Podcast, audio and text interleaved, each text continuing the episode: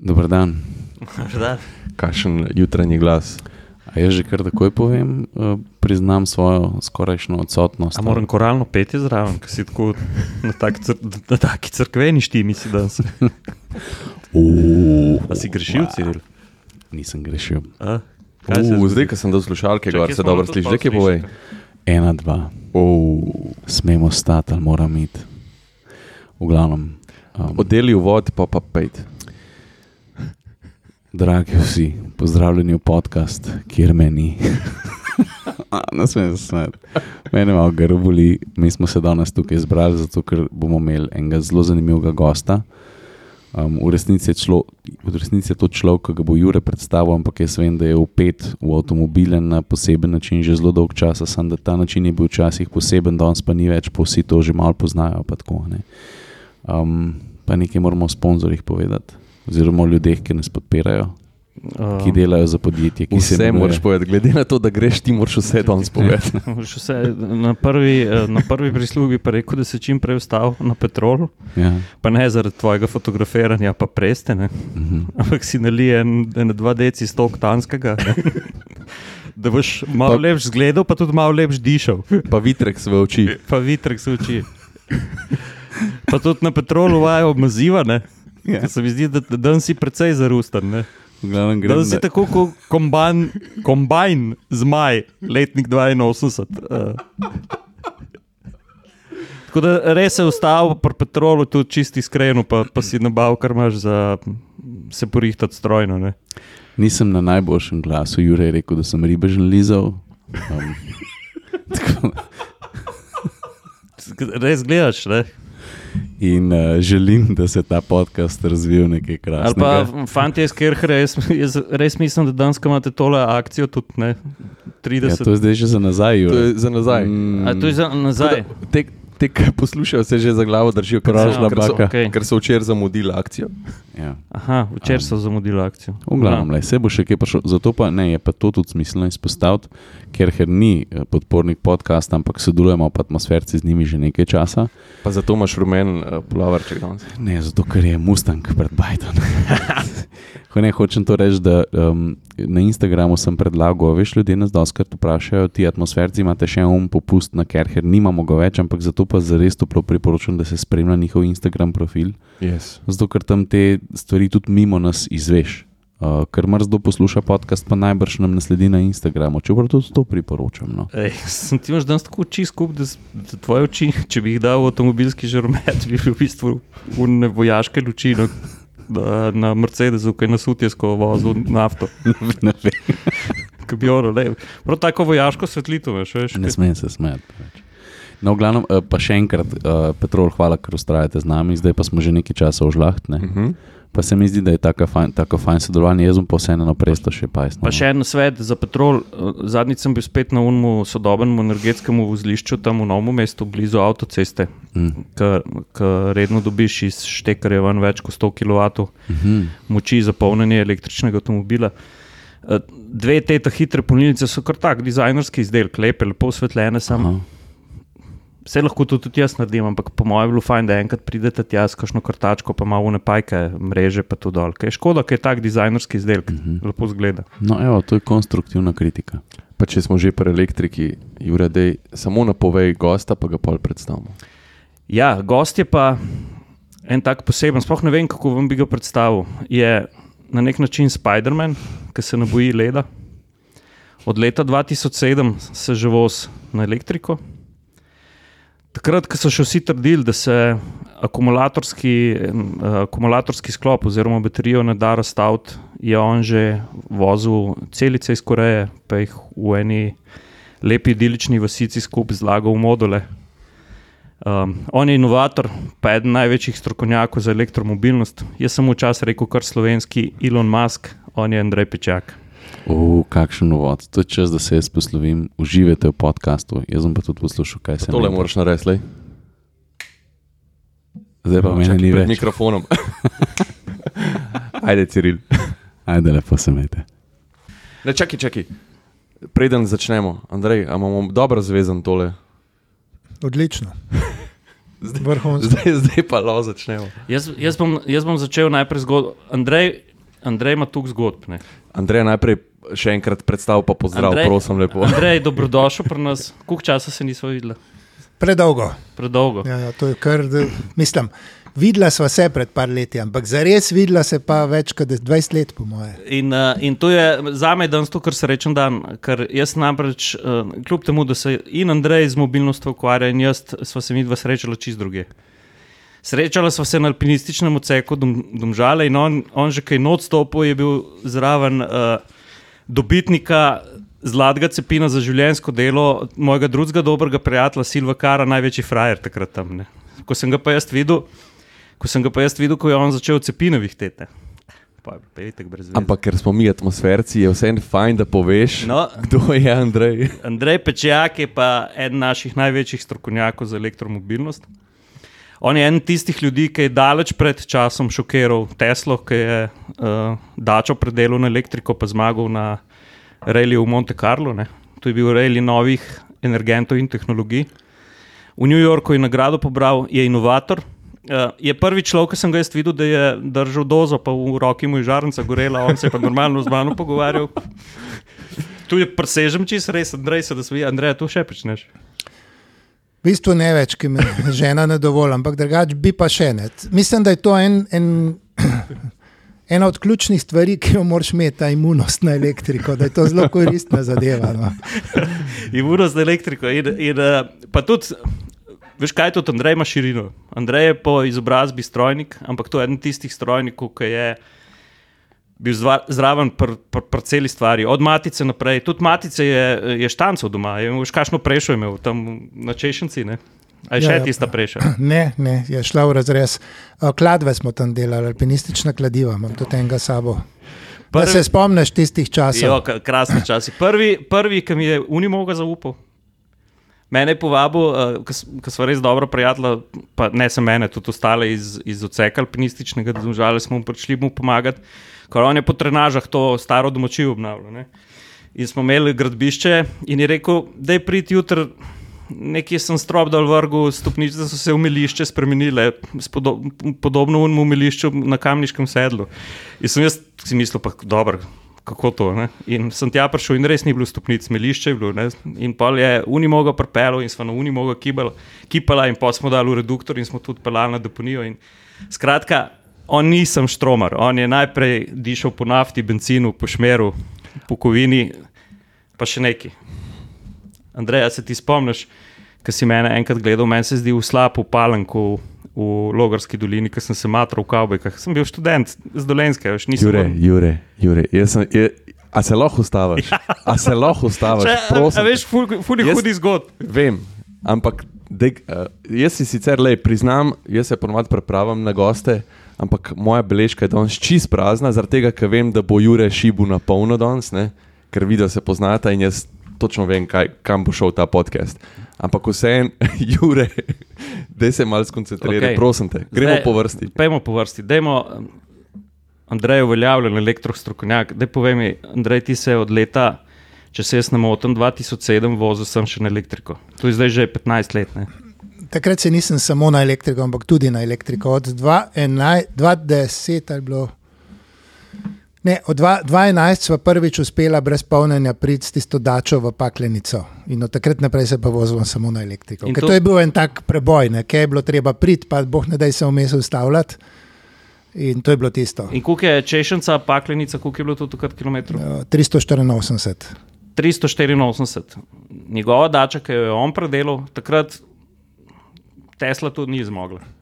Pa veš, da ta dača še vozi. Kje pa je? En kolega jo je kupil v, iz Lakah je, in ima zdaj že kaj proti 300 tisoč km gre. In se je pred, mislim, da je bil letos v Beogradu z njo. Ampak kakšne baterije je imela ta dača? A Se jih ima še zmeri. Še zmeraj iste. Ja, ja, še zmeri iste. To je, to je en mit, ki ga je treba počasi razbiti, ne, da te baterije tako malo časa trajajo. Baterije malo časa trajajo v telefonih. A pa veste zakaj? Nimam pojma. Zato, ker proizvajalec hoče, da kupiš nov telefon in že baterijo tako naredi, da ti po dveh letih ne crkne čist, ampak tako slabi, da moraš kar naprej tiskati tisti USB priključek. Ko bo vem, električnih avtomobilov milijardo na svetu, pa ne bodo vedeli več, kam jih dati, bojo tudi take baterije naredili, ki bodo slabele. Mogoče programirano celo slabele. Uh, se pravi, da bo prav napisan softver, da po 100 tisoč km bo to drastično padlo. Ja, ja, da te začne omejevati dometelj, nekaj takega, te živčen ga naredi. Ampak tebi to nošlo na živce? Takrat mene ne bo več.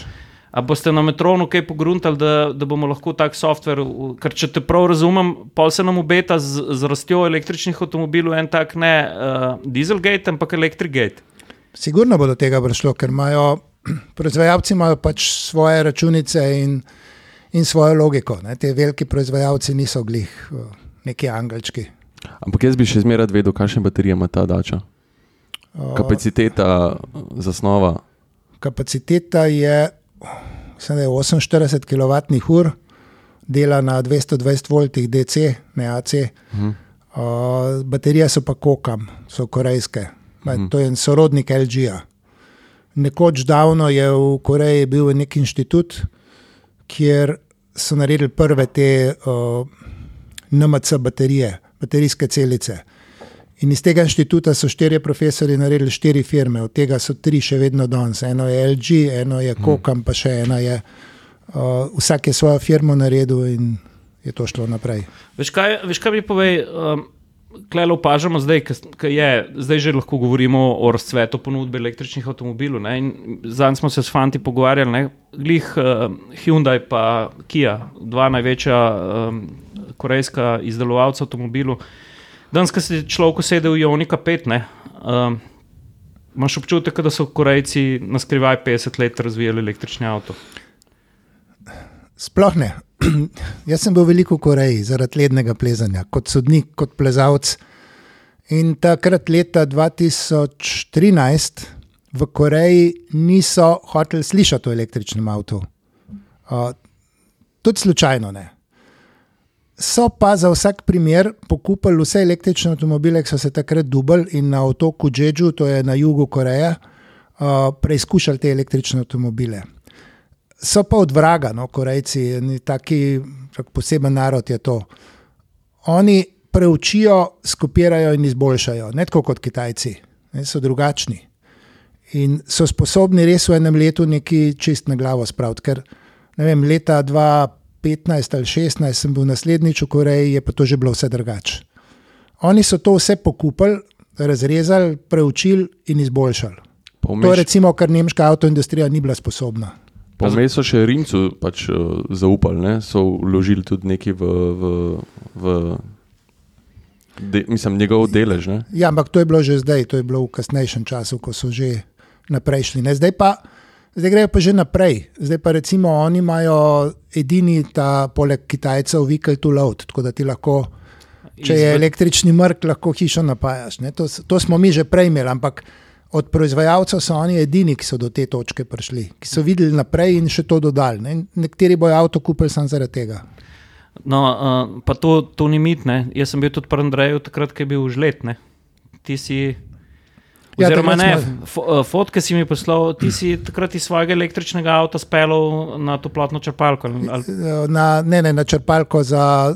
Pač napajali smo hišo iz tega, ne, toplotna ne bi takrat zmogla. V tisti fazi smo nekje 3 kW, mislim, da smo imeli moči ven. Gnov si pa pumpel, da je Ja, topla pumpa voda. pa, pa zjutraj kavokuh, ki je zelo nujen ne, za espreso, pa to take stvari. Andrej, hočeš reči, da eh, takih hranilnikov energije, kot jih danes poznamo v hišah, nekoč ne bo, ampak bomo lahko imeli avte kot hranilnike energije. Hranilnik bo še zmeraj, zato ker avto se enkrat odpele. Tudi če imate dva avta pri hiši, bo se pa oba odpeleta. Tako da hranilnik bo še zmeraj, sam bo mehen. Sigurno bo, mislim, ker če že tako gledamo, ne, zdaj hočemo vsi imeti 60, 70, 80 ali pa še več kilovatnih ur v avtu. In večji del te, razen takrat, ko se peleš na, drugo, na dolgo pot, če nisi ravno ta poslovni potnik, to delaš mogoče enkrat na teden. Vse ostalo pa ta baterija brez veze stoji nekje. ne. Zelo Ja. malo se koristi in bi se lahko več koristila, in to na življenjski cikl baterije nič ne vpliva, ker ti ne, ne uporabljaš zgornjega in spodnjega dela, ampak samo sredino. Uh -huh. In če ti, ne vem, prazniš, polniš baterijo od 30 do, do 70-80 odstotkov, se življenjska doba nič ne krajša. Tako da je to nesmiselno, da ti avtomobili nekje stojijo brez uporabe. Plus to, da bi s tem lahko zelo pomagali mrežju. Ne vem, ti imaš parkiranih 100 tisoč avtomobilov v Ljubljani, uh, rabijo mreže, rabijo elektriko, bi jo lahko potegnil ven, ne pa plačajo ti to, seveda. To je, to je vse povezano z denarjem. Brez denarja ne bo noben več pustil. Pa, naš prejšnji gost je omenil lihto problematiko omrežja v Sloveniji. Kako pa ti gledaš na to? Da imamo neverjetno dobro omrežje. Primer, ker mi prodajamo te polnilne kable, pa prenosne polnilnice, pa zidne polnilnice po celi Evropi. V bistvu Slovenija za nas skoraj ni trg, le prodamo par procentov. In vidim druge, kakšne probleme imajo z omrežjem. Švedska ima boljše, recimo Nemčija ima tudi boljše, ampak o, države kot so Francija, Belgija, ne da govorimo o Italiji, ne, to je pa katastrofa. Mi nimamo slabega omrežja. Okay, govorimo... Jaz, jaz samo sam malo, Jure, prosim te, mene te stvari zanimajo. Pač prejšnji smo imeli strokovnjaka jedrskega fizika, rečemo temu, da se spozna na to. Danes imamo Andreja, ki mu tudi totalno zaupam. Prejšnji gosti je izpostavil, da imajo v Franciji neverjetno dobro omrežje. Andrej pravi, da imamo slabo. Ali lahko nekaj razrešimo glede tega? Ja, zdaj imate, seveda, imate visoko napetostno omrežje, srednjo napetostno, nizko napetostno, okay. distribucijsko omrežje. Jaz govorim o nekje poprečju vsega skupaj. Oni imajo visoko napetostno že dobro, ampak to distribucijsko, ki gre po posameznih hišah, je pa bogo. In zdaj to je tisto, kar je prvo, pomemb... ki trpi. Ne, je pomembno za promet. Sigurno je pomembno za promet. In oni, recimo, en problem je, da, ti, da nimajo treh faz po, po stanovanjskih hišah, kot jih imamo mi ali pa Nemci. In ker nimajo treh faz, pomeni, da bo prišlo do asimetrične obremenitve fazne, če boš ti polno ali pa prazno več električnih avtomobilov, ki bojo po neki čudni logiki ponovadi priključeni na prvo fazo. In ko pride do asimetrije, to, to je res kriza. Ne? Pol imaš eno, fa, eno fazo, ti zablokira. Mislim, Frekvenca tam pade, to, da to ni v redu. Jaz vem, kaj hoče Andrej povedati. Ne? Andrej hoče povedati, da pri nas vsi individualni objekti imamo, dobno, imamo relativno dobre priključne moči, pa uh, trifazne priključke doma. Se pravi, Slovenci smo nagnjeni k temu, da vse, kar zgradimo, zgradimo kar orang, pa predimenzionirano in v tem smo boljši. Ja, se, če bi isti vihar kot tam v, vem, na Floridi podrepal hiš, prišel v Slovenijo, bi sam strehe dvignil. Zato, ker imamo hiše kot jedrske bunkerje. Ne? Oni imajo pa tako kot tisti, ki je bral zgodbo o treh prašičkih. Ne? Oni imajo slamnate koče, iz kartona narejene koče in seveda to vse frči, tiste lesene hišice mhm. frčijo po luftu. In na zahodu je tudi. Tud...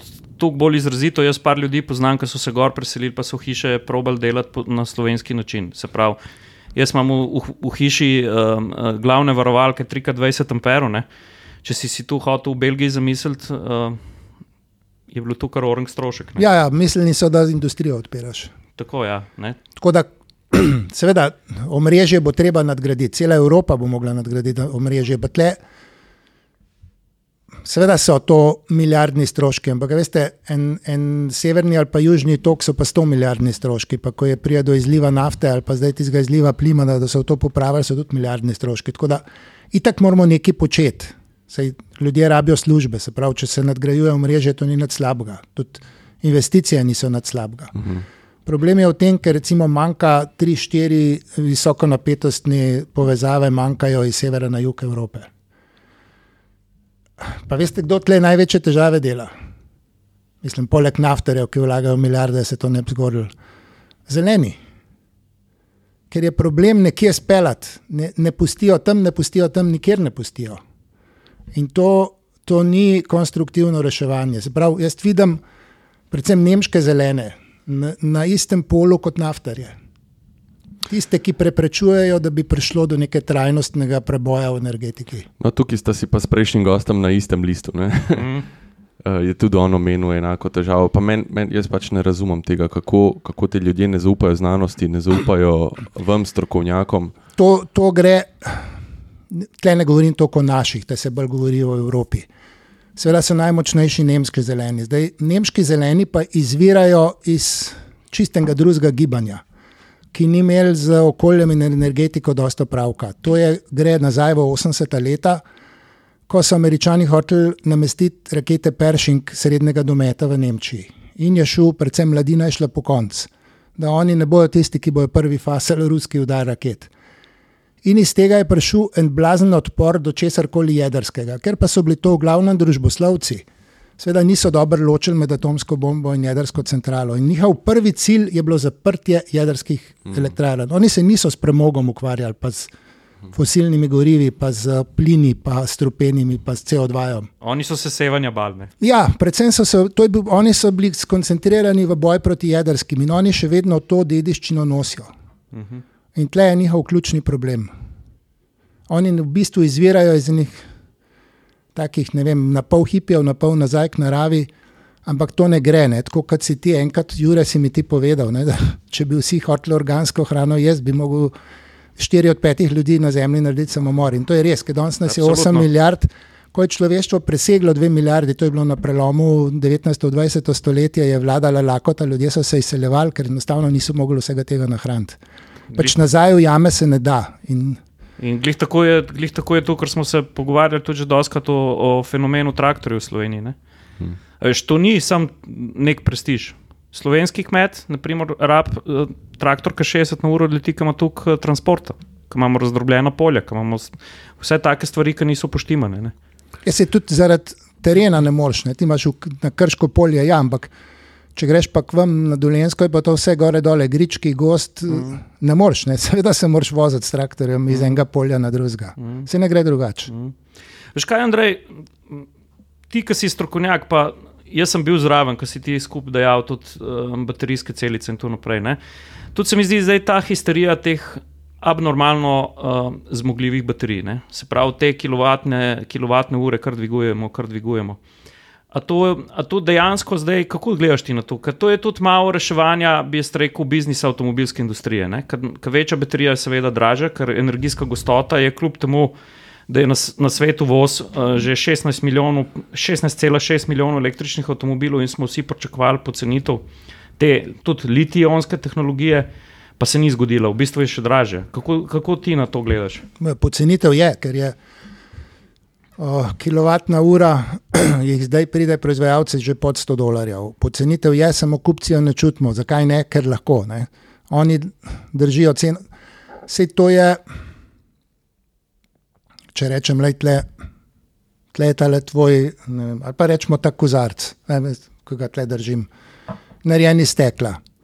Če bi danes vsi hoteli imeti tisoč kozarcev, da bi jih jutri imeli, bi prišlo do pomankanja stekla in bi cene navil. Cene bi navil malo, ker bi šla gor surovina, ampak še bolj pa zaradi tega, ker lahko, ker bi vsi to hoteli imeti. In ker je zdaj popraševanje po električnih avtih nenormalno, so pač cene navil. Uh, s, s tem, da skušajo oni s tem, s tem, kar zaslužijo z električnimi avti, podkrivajo še vse razvoj, ki ga probajo vršiti, namesto da bi ga sami financirali, ga probajo vršiti na pleča kupcev, No, sem to so tudi prej delali, pa niso bile tako razvite. Ampak ni bilo tako hiter razvoj. Tle je To je zdaj pa res, ja. Zelo hiter razvoj. Oni morajo nove tovarne graditi. Te tovarne veliko stanejo. In to, kar oni hočejo vršiti, ta prvi let, drugi let že. Sej, je Tesla zdaj služi 32% ima marže pri Tesli Y pa 3. Predvsem pri Y, ki s temi gigaprešami. Ne. To je marža, ki ni jo nikoli v zgodovini. Po mojem je Ford T je bil ta zadnji avto, ki ima tako maržo. Služi se, ne, s tem se služi, zato ne gre cena dol. Zdaj, zakaj so pa velike baterije? Delno je krivo tudi to, delno je kriva Evropska skupnost. Bom rekel, zelo je kriva, ker niso uredili sistema polnjenja takrat, ko je bil čas za to, ampak je tle vlada en kaos. Ti lahko kupiš, recimo, jaz lahko parkirišče plačam z kreditno kartico, lahko plačam karkoli, tudi en evro s kreditno kartico Kilovatne ali ure 10 pa. kilovatnih ur, pa ne morem kupiti. Tle so pa zakomplicirali z enimi aplikacijami, z enimi RFID kartici, pa vsaka vas v Evropi ima svoje, pa niso kompatibilne med sabo, pa nikoli ne veš, ali boš lahko polno ali ne. Tesla ima pa recimo sistem, ki deluje. In če bi EU takrat, ko je potalala ne vem koliko deset milijard denarja v te hitre polnilne postaje, da si je vsaka vas mislila svojo RFID kartico, če bi takrat zahtevali en enoten sistem, bi zdaj imeli en sistem, ki deluje in bi lahko bile baterije manjše. Tako pa seveda vsak hoče do končnega cilja priti. Se jaz sem tudi gledal, ne, da prijem do, do paklenice brez polnjenja, ker se nočeš ukvarjati s temi, s temi sistemi, Točno ki to, slabo ne. delujejo. Ker jaz zdaj, če se vrnemo na, tudi na področje, ki ga oba zelo dobro poznava, um, pa, pa ti ga poznaš bistveno bolj kot jaz, um, alpinizem. Ne? Jaz, če tako pogledam, kaj se je v alpinizmu spremenilo. Ne? Vsi so začeli v stene hoditi v lahkem alpskem slogu in tu nekaj šteje. Ne? Mi pa zdaj z elektromobilnostjo pa postavljamo bazne tabore, zelo drage. Uh, ki hočemo na sebe prevezati, to, to je ratalo tako kot ena komercialna odprava. Ne? Se pravi, en Ioniti hoče na sebe prevezati tukaj pa tukaj naročniku, da se bodo po celi Evropi vozili na njihove naročnine. Mislim, kako, ka- kje, kje zdaj to umejiti? Kako spet avto postaviti v, v lahek alpski slog, tako kot si ti rekel. Ne? Vse tudi uh, vemo, od, od uh, Benza žena se je prvič z benzinom pelala, pa je v lekarni kupila, ki je imela Ja, težave. ker druge ni bilo benzina za Tako, kupiti, ampak pa smo dosti hitro spoznali, da pač rabimo benzinsko črpalko, rabimo enotno plačilo. Kaj zdaj lahko naredimo, da se Ampak, bo to. A jih bomo pri električnih avtoih sploh rabili? Kaj pa? Benzinske črpalke Ne. pod narekovaji, Ja, ker brother. itak bomo imeli končno pa začetno neko destinacijo, kjer se bojo avti filali. Ne, ne, če greš na dolgo pot, še vedno Dobro, gre tok okej, in tok vozil na pravi, bo dolgo tega pot. manj, bo tega absolutno manj. Ja, ampak rabo boš pa nek, nek dostopno, do, dostop, javen dostop, oziroma eno- enostaven dostop s plačilom. Se nisi ti prišel to elektriko je, v kras. saj to je Evropska direktiva zdaj že Ja, rekla, da, am- da bo. Re, oziroma- oni so rekli mrskej. Ne, Pre, se- predvsem so Okej. prepozni. Ne. Jaz jih še vedno obtožujem, da so zamudili vlak in da zaradi tega zamujenega vlaka uh, zdaj Tesla, recimo, zgodil se je nekaj nepojmljivega. Septembra je bil najbolj prodajani avto, ki je presegel celo Golfa, je bil Tesla Y v Nemčiji. Dobave so tudi nekaj, kar, kar tukaj šteje, moramo vedeti. Ne? Ja, seveda, oni so poskrbeli za to dobavno verigo, ampak nisem to. Je tudi to, da ni urejenega polnilnega sistema, Tesla ga pa ima. In to bi mi vse lahko naredili. Plus to, da je bil Elon Musk leta 2015 v Evropi in je predlagal v Evropski skupnosti, da se naredi skupen sistem, ali 2014, no, takrat je bil, pa so ga zavrnili. Če, če bi bil ti zdaj za ministr za promet, uh, ob svojem znanju, ob svoji viziji, kaj bi najprej, česa bi se najprej lotil? Ministr za promet Kijev, oni mali Sloveniji. Ja, pač mi smo kle doma, ti si kle doma. A česa bi se najprej lotil? Najprej bi cestarje mal pristrigel peruti, da ne morejo menjati ograje na tak način, da, tam, da se naredi 10 km kolona, da se zgubi vem, 10 tisoč delovnih ur in da gre v luft par cistern nafte, zato ker avtomobili tam stojijo. To bi ta prva stvar naredil. Ne. Je pa res, da je en minister se je enkrat že probil lota Darsa, pa je, pol, pa je bil odstavljen, šel je, ušel je. Kaj pa v energetskem smislu? Mislim, da imamo v energetiki pa človeka, ki je boljši od mene. To pa je. Gospod Kumer, on je strokovnjak, totalen. Iz genija je prišel in veliko več ve o energetiki kot jaz. Mislim, da mu lahko zaupamo. Samo vprašanje je, kako bomo te stvari spravili do, na evropski nivo. Uh -huh. Slovenija je eno, pa imaš pa Evropa, pa mi smo vseeno odvisni od Evrope. Pa me pa še ena zadeva zanima. Ne? To sem glih zadnjič razmišljal, še prej smo se mi, mi zmenili za tvoje gostovanje pri atmosfercih. Ne, ti si tok pa tok let nazaj se propel iz Češence v paklenico z, z dačo, ki si jo sam doma predelal v garaži v električni avto, brez polnjenja. Ne? Zdaj še vedno vidimo, kljub temu, da so velike baterije, kaj, je, kaj po tvojem mnenju definira to učinkovitost? Ker tudi sam vidim, v, na, na, naprimer v Motorji smo letos testirali zelo, zelo veliko električnih avtomobilov in so čez dalje večje razlike v učinkovitosti. Se pravi, ti imaš enega, enega ta novega BMW-ovega terenca iX, ki sem se jaz po avtocesti z lahkoto vozil s porabo manjšo kot 18 kWh, pa imaš spet na drugi strani en avto, ki je pa bistveno lažji. Ki pa na avtocesti ne gre po 20 kWh. Kaj je, kaj je kle trik? Tlesta, ključni, pri električnem avtu masa ni tako pomembna, zaradi tega, ker pri zaviranju regeneriraš. Ne? Pri bencinarju je masa veliko bolj pomembna. Uh, ful je pomembna aerodinamika. Zdaj, tudi če je avto v obliki dnevne sobe, kot pravijo za terence, še zmeraj veliko pomeni, recimo, pokrito dno, kljuke, ki grejo noter, kup stvari teh drobnarij, ki jih lahko samo v vetrovniku ali pa don že z računalniškimi simulacijami določaš, in pa učinkovitost pogona pa učinkovitost hladilnega sistema. Zdaj tisti, ki so spredi, ne vem, ta prvi golf, recimo, ima spredi kar hladilnik od dizla. In jasno je, da tle prihaja do velikih izgub. In sploh, ko greš enkrat na 90 ali pa 100 na uro. Uh, tako da avtomobili bi vsekakor morali biti bolj aerodinamični, s tem bi povečali učinkovitost. Jaz bi se, Andrej, mogoče malo vrnil na te tvoje dosežke oziroma predelave. Dačo smo mogoče že omenili. Dej povej še, kakšno, kaj si, kaj si kaj naredil. Ja, v, v inštitutu Metron, jaz sem takrat še kot posameznik jih par naredil, pol v Metronu smo jih pa, mislim, bili sto predelali, pa večina še vozi. Je pa res, da smo to, to jaz sem rekel za novo leto, leta 2019, da se je končalo obdobje pionirjev in da grem v, med proizvajalce. No. In takrat smo tudi zadnji avto predelali, to je bil tisti Delorean. Uh, No. ta, je, ta je recimo, ja, mi pomeni nekaj posebnega, ker je bil to zadnji avto, ki smo ga predelali, pa je nekako skok v prihodnost za Metron. Uh, pa seveda ne smem pozabiti Metrona 7, s katerim smo prevozili 824 km po Nemčiji, pa pri nas je bolj odvevala tista vožnja iz Bleda na Dubrovnik, brez bila- polnjenja, To je bila Mazda 5. Ne? Mazda 5. Ja. Okay. Jaz bi se mogoče bolj natančno lotil tega. No, to so zanimive stvari. Dajmo, dajmo najprej Delorena uh, obdelati. K- Se pravi, v osnovi gre za V6 motor, tega motorja ni več noter. Kaj Ne, si, kaj si, Andrej, kaj si Hvala naredil? Bogu, to je bil, ta motor je uničil Deloreana v samem štartu. Seveda, ker je v filmu šel veliko več kot 88 tistih mil, ne, uh, v resnici pa ni šel več kot 88 mil. Se to se je režiser norca delal. Ne? Če preseže 88 ur na mil, mil na uro, bo šel v prihodnost, ampak jih ni. Ja, seveda. Kaj si pa ti naredil? A je, a je pol tvoj šel več kot 88 mil? Ja, seveda. Mislim, se bi težko šel tako mal. Ja. Kaj, no, povej, kaj si naredil? K nam je prišel en irski režiser, ki je takrat stanoval v Sloveniji in je rekel, da bi si on zaželel predelavo Deloreana. On je uvozil Deloreana iz Združenih držav Amerike, ga tukaj registriral in potem smo ga predelovali. Cilj je pa bil, da se ta Delorean pelje na Severno Irsko, tam v Belfast, v predmestje Belfasta, kjer je bila ta firma in da se tam pojavi. In uh -huh. To se je zdaj zgodilo, septembra se je, avto, je on odpeljal avto. Je rekel, da ko se je vozil, predvsem skozi Veliko Britanijo, da je imel vsakeč, ko je prišel, ko je kje stal, ko je polno, da je imel polno ljudi okoli avta, ko, ko je prišel nazaj. Mi smo ugradili pogon od Tesla Roadsterja, tako da moči ima kar, čeprav smo ga malce zadušili, ker je pri- povezan je na klasičen menjalnik od tega avta.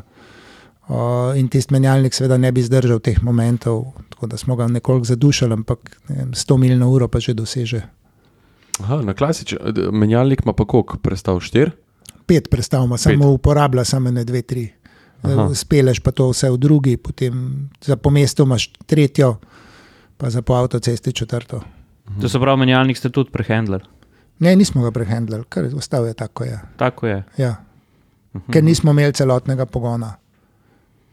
Zakaj pa, naprimer, pri pr, pr, pr sodobnih avtomobilih imamo vse te eh, reduktorske prenose, se pravi, brezstopenske?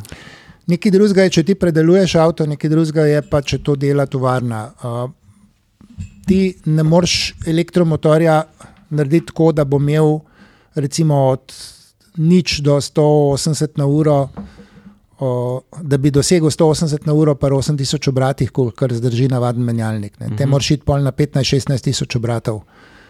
In zato so potrebni posebni ležaji, tudi posebna olja. Zato recimo eni norijo lastnike električnih vozil, ko na tistih 200 tisoč km mora olje v diferencialu zamenjati, pa tisto olje 50 evrov liter. To je zato, ker je to specialno olje. Ker ga tudi pri visokih vrtljajih ne sme zmetati dol iz uh, ležajev, uh -huh. centrifugalna sila in zaradi tega je to olje drago. Seveda, če pa sam nekaj delaš, pa, da boš pa navaden menjalnik posilil na nad 10 tisoč obrati, pa ne bo dolg delal. In pa ste zadušili moč, da je, da je to kompatibilno. Pa. V bistvu nismo zadušili, smo obrate. Ja, nekaj smo tudi moči zadušili, se ne rab toliko moči. Ne. Ja. Koliko ima pa dosega ta predelen? O, nekaj čez 300 km, ima 55 kWh baterijo. Je tudi probal lepo, ne, brez problema gre čez 300. O, Je pa res, da britanske ceste so drugačne kot naše, ne pri nas ne bi, ker tam po avtocesti, ne vem, če kdo vozi več kot 110. Mhm. Pri nas pa razen kamiona nihče ne vozi pod 110, razen kadar je nesreča ali pa zastoj. To je res, ja. Kaj pa, kaj pa 826 km? To je v bistvu 24. 24. Ja. Uh. uh, to si ti dosegel z enim polnjenjem, s kakšnim avtom? Ta predelana Mazda 5, ki smo ga jo pomenovali Metron 7 in sem celo dosegel, da v prometni piše tudi Metron 7. takrat je imela noter 100 kWh eh, baterije, zdaj jih ima 86, no, takrat je bilo pa to dvignjeno na 100 kWh. Vozili smo pa tako, to je bila ena taka mešanica, neke avtoceste, večin, polovico avtoceste po Nemčiji, ostalo po mestih, tudi neki zastoje je bilo, tako da na koncu je bila poprečna hitrost 72, ampak Tukaj so tudi zastoji, pa semafori, pa to noto šteti. Drugače po avtocesti sem nekje vozil 110, nisem vozil 130, ker pa ne bi prišel. 110 po navadnih cestah, pa tako 5 do 10 čez omejitev, ki to vem, da, da te ne ustavijo, če voziš 5 na uro čez. In to je bilo kjerga leta, če se jaz prav spomnim, 2015? Uh, 2015, ja, 2014 je, bil, je bila vožnja iz Bleda do Dubrovnika, 2015 je bila ta vožnja. Tista vožnja do Dubrovnika je bila zelo odmevna v Sloveniji, pa na Hrvaškem, ampak to ni naš ključni trg. Mi smo hoteli nekaj odmevnega v Evropi narediti, pa smo zato šli pol po Nemčiji voziti. Na enem tem elektroreili v srečanju, kjer se je vozilo okoli 100 električnih avtomobilov, veliko prototipov, tako da, da je bilo malo bolj odmevno. In kaj si, kaj si potem dosegel, mogo tam vse pojasniti? Kaj so te sprašvali? V bistvu, da je veliko sprašval, bo samo en ameriški novinar, ki se je z nami pelal, tudi na koncu je bil zraven. Drugače pa Nemci, bom rekel, niti ne tok. Nekdo je bil presunjen, je gledal, mi smo imeli od bivše iskre avtoelektrike, ki je takrat že bila male, smo imeli motor notrne in je pisal male. In je Nemc bulil to in je rekel, da 20 let že dela pri maleju, pa ni vedel, da je male kaj takega naredil. Tako da največ so bili v bistvu ne Nemci zainteresirani, Švicari, Američani, te so bili bolj zainteresirani. Pa moram reči, da smo potem, malo potem smo začeli te kable in to prodajati, in, in je to zelo pomagalo, da si ti poznam po eni stvari. Moraš, če si iz Slovenije, če si iz Nemčije, napišeš Made in Germany, ne rabiš nič več. Če si iz Slovenije, moraš pa najprej ime ustvariti. Vse je podobno, je recimo z našimi športniki. Ti moraš najprej priti na, na prvo mesto, potem te pa poznaš. Najprej moraš šokirati, pa pa. Tako, tako. Če si pa iz ene večje države, si pa že šokiran s tem, da si, da si iz tiste države. Andrej, če bi se danes lotil nekega rekordnega projekta, kaj bi naredil, oziroma kaj bi spremenil na tej mazdi, oziroma kakšno osnovo bi vzel, kakšne baterije bi dal, motorje. Recimo, da, da danes spet začenjaš rekordni projekt. Metron Kako bi 10. se ga lotil? Pa ne bi se ga, ni več čas za pionirje. Demo, demo sanjati. No? Kaj če sanja, če je to mim? Zdaj ne morem tekmovati z serijskimi vozili, so bolj učinkovita Mercedes, ECQ, pa, to, ne, pa tudi Tesla 3, ne morem doseči te učinkovitosti. Ne, ne, ne doma tega ne moreš narediti v garaži.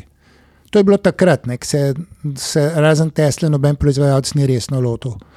In so tam neki pacali noter, ne vem, v, v benzinskega golfa dal motor. Vse so na isti način delali kot mi, samo da so bili malce nemarni.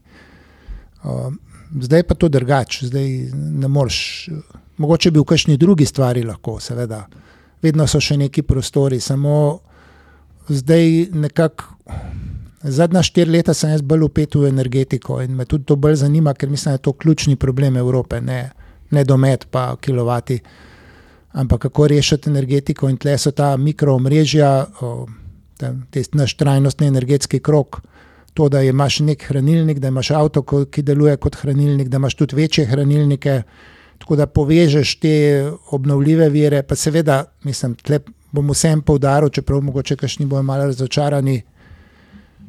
Naslednjih 50 let bodo jedrske nujne, zato ker je jedrska, ne bom rekel, da je dobra, ampak je precej boljša kot uporaba fosilnih goriv. Kaj počnemo s fosilnimi gorivi, lahko vidimo. Ne? Klima se do te mere spremenja, da bo za naše otroke in predvsem vnuke življenje že zelo oteženo. Tako da fosilna goriva bi morali takoj opustiti, jedrskih pa ne, zato ker ti rabe še nestabilne vire energije. In če gledamo, je imel. Sem bil v Veljenskem rudniku leta 2011 ali 2012 in takrat so rekli, da je 130 rudarjev v zgodovini rudnika, ki je bila vem, 80 ali 100 letna, umrl od nesrečne. Koliko jih je umrlo od pljučnega raka, pa to ne vemo. Ampak, gledajte, gledate vse te nesreče, jedrske, strašne, zelo malo ljudi umrlo, Fukushimi, ne vem, tri ali štiri, oni so še živi, ki so noto reaktor šli. Tako da te stvari se mi, mi se jih bojimo. In ta strah se blazno napihuje. Ni, pa to, ta strah ni realno osnovan. Tudi jedrska elektrarna ni atomska bomba, ker not ni kritične mase, ne more eksplodirati na tak način kot atomska bomba. Ok, Andrej, ampak veš, kaj mene najbolj bega pri vsej tej stvari? Ne? Mi smo že prej, ko si omenil marže, jaz se non-stop ukvarjam s to mislijo, kaj zdaj rešujemo z električnimi avtomobili. A rešujemo planet, a rešujemo avtomobilski biznis. Ker vemo, vemo da, da, da marža na benzinskem motorju niti približno ne more biti tako visoka, kot je lahko, kot si prej rekel, na, na baterijskem avtomobilu. Zaenkrat. Oboje, oboje rešujemo. Ja, ampak v tem trenutku, veš, ker jaz vse razumem. Sam, če vzamemo primer električnega megana, ne? ti si. Ti si 4,2 metra dolg avto prenoju kupil v najboljših časih za 14 tisoč evrov. Vse so poskrbeli, da zdaj tudi benzinskega ne moreš. Vem, ampak je še vedno taka razlika, ne?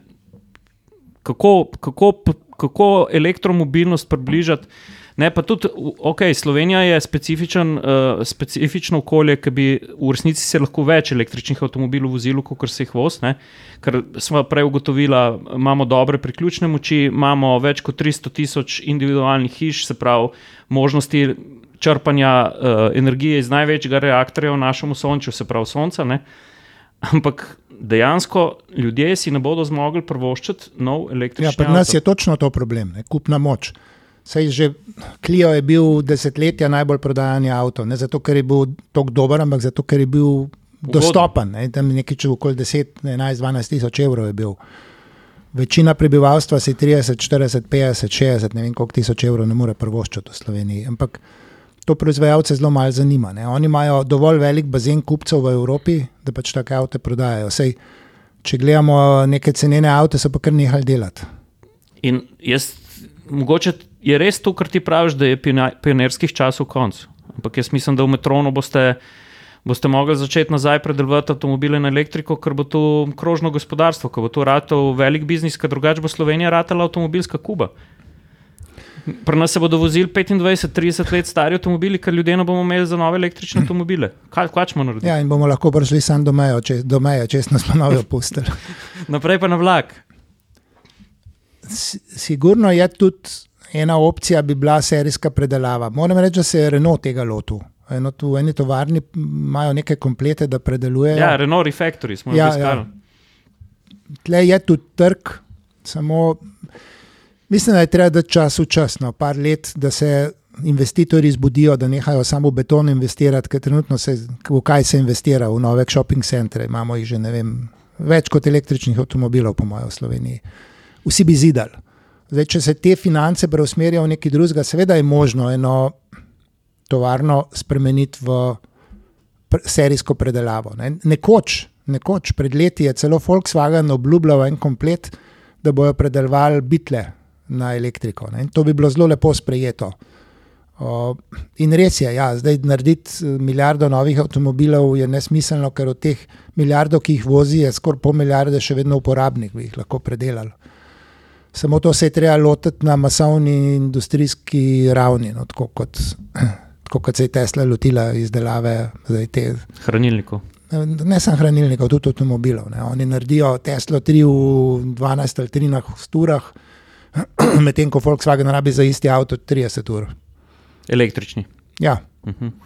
Andrej, kar jih omenjamo Teslo. No? Uh, poznamo jih kot nekoga, ki je avtomobilski razvoj v bistvu premaknil z neke eh, mrtve točke. Uh, potem jih poznamo kot nekoga, ki je dosti naredil na, na sami tej, na razvoju te tehnike. Uh, kako pa danes gledaš Teslo v primerjavi z uh, ostalimi? še vedno je pet let naprej, vsaj.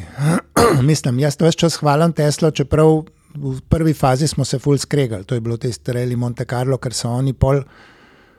Pa sem šel še na en reli, ker sem bil drugi, in potem so oni kar pre, spremenili pravila, v FIA so uspeli dosegli, da predelana vozila ne smejo več, ne pašajo več v isto kategorijo. Opa, si jim šel na živce. Ja, to je bil takrat uvoznik Tesla v bistvu v, v Evropi, ne, ne direktno Tesla, ampak malo mi je šla na živce, tista Tesla. Tudi v tistem času so Tesle kupovali te rodsteri ljudje, so se kar precej napihvali. Malo smo imeli konflikta z njimi, no. ampak moram pa priznati, da so pet let pred vsemi, da, da, da so potegnili v marsičem. Recimo, Dajmo, dajmo to. Pač, da, dajmo to. ja. Avto se je vedno tako delal, da si imel ene gigantske plahte pleha, iz katerih se je štancal kose, in pol iz tiste kose se je najprej dal v prešo, ki je ukrivil, pa se je to dal skupaj, pa so robotki to zvarili in je nastal avto. Potem je pa pretesli en računalničar, ki ni imel pojma o proizvodnji avtomobilov, gledal svoj Matchbox ali pa tisti uh, Hot Wheels modelček. Ne? Ga je gledal, gledal in je videl, da je ubrizgan iz kosa aluminija. In potem je to šlo naprej, in so oni zahtevali, da bi nekdo naredil neko tako napravo, ki bi cel spodnji del avta ubrizg, izbrizgala iz enega kosa. In to jim je uspelo. Zdaj, to, to je taka revolucija. Na mest 1500 varov in 150 kosov pleha je tle en sam brizg, ki traja neko sekundo. Ampak v čem je Pa avto nimajo, boljši? nimajo ostankov materijala. V čem je avto boljši? V čem je avto boljši? Bolj tok je. Bolj tok je, pa predvsem je hitrejši narejen, cenejši je. Zdaj to, To, to ne pomeni, da je avto boljši. Andrej, sorry, jaz se tle ne, ne strinjam nikakor s tabo. Jaz, če gre, zdaj, če Tesla sparkira na tle pod našim uh, brlogom in če jaz naredim krog okrog tega avta, noben spoj ni enak, noben luft pač med vrati ni enak. Uh -huh. ta, ta avto ne zgleda ok. seveda ni. Ni pa, narejeno ok. Mi smo staro Teslo S kupili, pa nima žepov v vratih, ker računalničar ne žal preveč žepov, pa nimaš kam obleke v obesec, zato ker so računalničari bili vedno v jopcah. Pa grevc na teh ta starih Teslah je nesorazmerno velik kuru, zato ker so ga v Kaliforniji pač ne rabe zelo grevca, ne? klima je bila učinkovita, gretje pa ne. Ampak to niso ključne stvari pri avtu. Mislim, koliko imaš ti reže, ja, seveda za enega lastnika Mercedesa pa BMW-ja je to zelo ključno. Saj Tesla. Tesla se šteje med premium. Ja, ja, vem, vem, da se. Ampak ko vse ostalo, pa Tesla šiša, predvsem šiša po proizvodni ceni, pa pri tem, koliko avtomobilov oni lahko naredijo. Jaz, nekaj je to do kupca ali pa koliko je avto dobro narejen, drugo je pa. Sem to v bistvu nima veze s to giga prešo. Način, kako so oni začeli sestavljati avtomobile in baterije, je drugačen. In ta način druge postavlja v en pošastno podrejen položaj. In ker je slovenska industrija zelo povezana z nemško avtoindustrijo, ker smo mi tisti podizvajalci tega, in Nemci so znani po tem, da vse težave vržejo na dol, na unek so pod njimi, se bojim, da bomo mi imeli težave v naslednjih par letih, ne, eko, ekonomske, gospodarske, zaradi tega. Zaradi tega, Zdaj, koliko so reže pri vratih, je v bistvu tle zelo vse. Problem je, da oni naredijo avto v 10 urah, oni rabijo pa 30 ur. Ampak mi govorimo o tem, kaj ima kupac od tega. Ne, Ker- ne, ne kaj ima Tesla od tega. ker- Zaenkrat ima ker- Elon največ od Seveda tega. ima. Ma, Sej zaradi tega kupec- mene zanima, kje je tle Tesla pet let pred vsemi, razen to, da ima Elon na koncu petkrat večjo cifro, kot vsi ostali. Pet let pred drugimi je v načinu proizvodne. Ra razen, oprosti, ker te prekinjam, razen, seveda razumem uh, mrežo polnilnic, le le Ja. absolutno priznavam, da Ampak so to je huda predvsem- stvar. To je huda stvar in to absolutno priznavam. Uh, za ostalo se pa težko strinjam. Mislim, da tudi jaz, če se ne motim, Andrej, ne, ta, ta industrijska revolucija Tesla, ki je, se je vsekakor zgodila in to je treba, to je treba odkrito povedati, da, kle so miselni drugače, pa na drugačen način kot konvencionalna avtomobilska industrija. Ampak po drugi strani, jaz se spomnim prvega crash testa na Euro NCAP. Mislim, da se je, da, da se je čelo dotaknilo, čelo dotaknilo uh, volanskega obroča ne, čez uh, zračno blazino, vse ta poročila obstajajo, jih lahko pogledamo.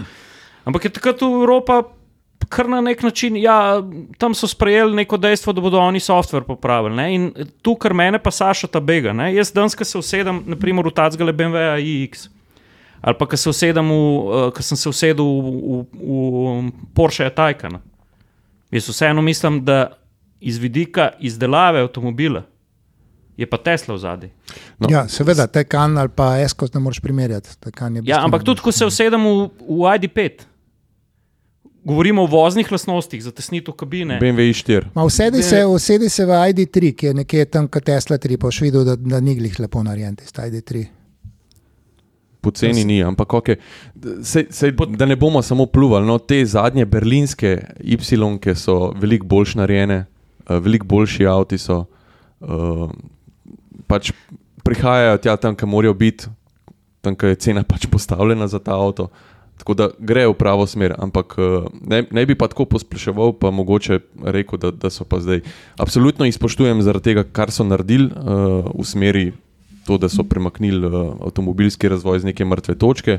Njega kot nekega vizionar, vizionarja, ki je vse skupaj, ki je vsem odprl oči, ampak uh, ne razumem pa še zmeraj tega hajpa okrog avta kot produkta samega. Ne? Ne, sej avto kot avto ni ne vem kaj, ampak jaz se jih bojim, tega, ker so oni so edini vzpostavili polnilno strukturo, ki deluje. Vzpostavili so proizvodno, ki je trikrat hitrejša kot pri vseh drugih in cenejša. Ne? In problem je, da, da bo cela Evropa postala odvisna od Korejcev, Kitajcev in ZDA. Mi nič več nimamo. Mi smo bili nekoč neka moč, industrijska moč, pa nismo več. In zgubljamo. Tega se bojim. Ne pravim, ne pravim, da je iz vidika kupca, ampak v enem trenutku bo evropski kupec tako šibek, da bo gledal bolj tiste kitajske avtočke, te cenene. Tle se bojim. Kupec tle končno ni neki, to je, to je bolj en mit, da je kupec kralj. Kupcu se nekaj usili. Ne. Če tako pogledate, kaj lahko moda naredi. Meni je bilo nerodno s trganimi hlačami iti v osnovno šolo, sem bil, ja, Jure Tep tudi. Tudi. Danes je pa to kupijo, strgane kavbojke za 200 evrov kupijo, ali pa za 100 evrov. Ne. Se pravi, kupec ni tako pameten, kot misli, da je. Kupcu se posugerira, kaj more in kaj je dobro, ali pa kaj je modno, ali pa kaj je lepo. Tako da jaz ne bi rekel, da je kupec kralj. Ja, se to, to mene, na primer, bega. Ne? Jaz vidim, kako se ljudje navdušujejo. Ne? Če se vrnemo nazaj k uni znamki, ki smo jo prej razlagali. Ne? Da imaš ti zaslon, da avto stoji, pa, pa imaš posnemanje glasov, ne? ali pa da vrata plešajo po muziki. Ne? Zdaj, ali to, to res rabimo za um, elektromobilnost? Ne, tega ne rabimo, rabimo pa zato, da zbujaš pozornost in da predvsem mulčke navdušiš. Jaz sem se tudi sposojal X, da je potem pela, pa so se vrata odpirala, zato da mulčke navdušiš. Ne? Ker tipično ljudje nad 50 v Sloveniji so zelo petrolheadi. Smo, so, no. Se, jaz sem v bistvu študiral motorje z notranjim zgorevanjem. Pa ti jih imaš tudi še vedno rad? ne, zato ker sem takrat videl, da smo prišli do konca pri izkoristku, da naprej se ne da. Tih, zdaj praviš, da se ne da več, kot je naprimer Toyota na Atkinsonu, ne, 41% toplotnega izkoriščanja. To je vrh. Ja, zato ker je to teoretični vrh in ne moreš čez. To smo mi takrat že prišli do tega na strojnem faksu na oddelku, da je nekje, takrat je bilo rečeno 39-40%, da je teoretični vrh, ajde 41, ampak tam nekje smo. Karkoli narediš, ne moreš več tega izboljšati. Pri elektromotorju pa vemo, kje smo. To to je tisto. Ampak pravim, da je, mladi ljudje so veliko bolj navdušeni nad elektromobilnostjo kot pa starejši. Samo mladim ljudem malo manjka keša, sploh ker so pa te avtomobili res no, grozno dragi, za naše razmere obupno dragi. Zdaj so se pa situacija, kot je, je pa povzročila, da so se še rabljeni podražili in to neznansko. Ne. Če gre kdo gledati na, na ne vem, v Nemčijo, na, pa vidiš, da daš za rabljen električni avto skoraj to, kot je nov, sem na novega čakaš. Zdaj smo spet prišli v obdobje moje mladosti, ko si imel Golfa Enko iz Sarajeva, pa si ga prodal, pa, pa pravočasno vplačal Golfa 2, pa si pol za ti znar že dubu novega Golfa 2. No, tam, tam nekje se bližamo temu. Um, E, Hoče sem vprašati, če smo razbiti še mit o elektriki in baterijah. Ja, ne, to, to prej ni Andrej mislil, dokončal, ne vem, smo ga midva prekinili, smo Kjero? zašli. Um, ja, ta um, izguba, izguba, baterijska izguba energije. Ne? Se pravi, degradacija baterije, ti, ti praviš, da ni taka, kot um, se ljudje bojijo, da bo. Ne? Kaj kaj to pomeni um, pri hitrem polnjenju, počasnem polnjenju. Um, Lok si že povedal, da se pravi, filamo večino časa od 20 do 80 odstotkov, ampak um, zakaj je po tvojem mnenju uh, avtomobilska baterija? Bolj zdržljiva, kot se vsi bojimo, da bo. Zdaj, baterija, ni, baterija pa baterija ni isto. Je, ni tako kot pri benzinu, ki je benzin, je benzina, je, vem, 92 oktanske, je 86, je 100, ampak tle, tle so zelo velike razlike v kemiji. Recimo. In s tem je tudi življenjska doba, pa, pa ne samo v kemiji, tudi v izdelavi. Eni avtomobili imajo zelo dobro hlajenje baterij. Termični nadzor. Termični nadzor, tisti, ki imajo dober termični nadzor, imajo tudi dolgo življenjsko dobo. Recimo, tipičen primer slabega, ali pa edini primer, da vem, slabega termičnega nadzora je bil LIF 1, pa LIF 2, ta prve dva LIFA. Ne. In tam je baterija dosti hitro slabela, sploh če si jo, zdaj, če si jo doma lepo polnil, počasi, pol ne. Če si ga pa ti gnal po avtocesti, pa šel na hitro polnjenje, potem je pa prišlo, ne vem, v petih letih si že izgubil 15-20%, kar je bil v bistvu kar je kar rekord med avtomobili. No, na, na naši stari Tesli smo rabljeno kupili Esko, je zdaj stara 8 let, pa nekaj mesecev, ima 200 tisoč km in je degradacija 3% nič več. Tako da ni večina avtomobilov, kar jaz vem, pa tudi BMW ima slabo degradacijo, zelo nizko. Ima zelo nizko degradacijo, to ni nek problem. V bistvu sploh ni baterija ključen problem na električnem avtu. Ključen problem je isto kot na bencinarju, da ti bo elektronika nekje nagajala. Se vrata najo zaklepala, ne vem, tam se ti bo ena lučka pržgala, pa avto na it. Jaz Vem, imeli smo enega BMW-ja i3, ko smo za njih en projekt delali, Gretja. In v enem trenutku se je tisti en tak klinček, štift je noter, ki zaklene kabel. Ne, da ko avto polnite, ne more kdo kabla vam potegniti. In pa je blat not prišel in je, pri, ne vem, 60-70 tisoč km, je tisti štift blokiral. Pa nisi mogel kabla vam potegniti. Pa imaš pa tam eno tako zajlco, pa lahko ti potegneš, pa kabel ven dobiš. Ampak motorček seveda ni več delal. In kako je bil avto narejen, da ni hotel več polniti? Čeprav je to čisti nonsens. Se pravi, ti bi v bistvu, če bi bil ne vem kje v Dubrovniku s tem avtom, bi mogel vleči na službo naročiti, čeprav avto ni več falil. In tudi to, da kabla ne moreš ven potegniti, samo pomeni, da bi ga lahko kdo ukradel, ampak valjda boš takrat zraven, ne, ko ga boš filal. To, te stvari, uh, slabo napisani softveri, en kupenih mehkih električnih komponent, ki lahko odpovejo. Ne, to najbolj nagaja. To je povsem isto kot na benzinskih, pa dizelskih avtomobilih, če gledaš zadnjo generacijo, iste stvari nagajajo. Um, Potlej eno vprašanje, ki se ljudje veliko s tem ukvarjajo, predvsem tudi zaradi um, raznih polizdelkov, ki pridejo iz Kitajske v, v, v mehkih prevoznih sredstvih, se pravi mikroprevoznih sredstvih, govoriva o električnih skirojih in tako dalje. Um, baterijski požari. No, se to je bil eden od tistih mit vprašanj, ki sem Ja. jih hotel zastaviti. Ja, se imam sabo celice, sem mislil, da v kamero, da bi lahko še kakšno Vse skrbel. bo, bo, Bomo pokazali. Drugače je tako. Ne? Te avtomobilske baterije so vedno teže gorljive. Recimo nekateri kitajski avtomobili, pa Tesla Y, uh, Standard Range imajo že liti ferofosfat teh baterij, praktično ne moreš več užgati. Seveda, ko zgori cel avto, bo tudi to zgorelo, ampak ne more več začeti goreti. Zdaj, če pa ti kupaš, vem, za 400 ali pa 500 evrov skirco, ki ima gume za napihant, ki ima okvir, ki ima elektromotor, regenerira, ima polnilci, ne vem kaj še vse, niti ne moreš pričakovati, da je to, pa, pa je treba vedeti, da je od tega, ne vem, 22% DDV-ja, potem uh, trgovina vzame 20-30% marže, potem je še prevoz, pa carina, pa oni tudi nekaj zaslužijo, ki jo naredijo. Pol vidiš, da to skirco, ki je mogoče bilo no, je vredna 100 evrov, da ne more biti nekaj dobrega noter. In jasno je, da tle je prvič je polnilc poddimenzioniran, pa se greje. Če se vam polnilc greje, kakršen koli polnilc, tako da ga težko primeš, je tak polnilc potencialno nevaren, da bo požar. To nima veze z baterijo, ampak če to zraven enih časopisov ali zraven česa gorljivega leži, vedno lahko pride do požara in tle je vedno potencialna nevarnost. Se tudi, ko so se prva kitajska električna kolesa pojavila, pa so jih tam v Merkurju, za, vem, ki je že prodajali za 500-600 evrov, je jasno, da zadeva ni mogla biti dobra, ker ti navadnega bicikla, kvalitetnega, ne moreš dobiti za 500 evrov. Pa zraven bo imel še baterijo, pa polnilc, pa motor, ja, sigurno. Ne, ljudje preveč padamo na te nizke cene. Nizke cene vedno striktno pomenijo slabšo kvaliteto. Tle ni, ni bližnjice. ne, ni bližnjice. Samo mi smo zelo znani. No. Malo smo varčni, ne vem kaj, mi, mi zelo padamo na nizke cene in pa, seveda tudi na vse te težave padeš, ki jih nizke cene prinesejo. Sem zakaj mislim? Zato ne eni nam malo zamerijo. Ne. Mi imamo v bistvu, naši kabli so najdražji v Evropi in so veliko bolj cenjeni zunaj kot pri nas. Pri nas jih slabo kupujejo, ker mi vedno prednost dajo kitajski kabel. Ja, pa poglej si ga. Zgleda kot sev za vodo zaliva tisti kabel, pa kontakte, poglej, so taki kot v šukotu. Valjda to ne more biti ista cena.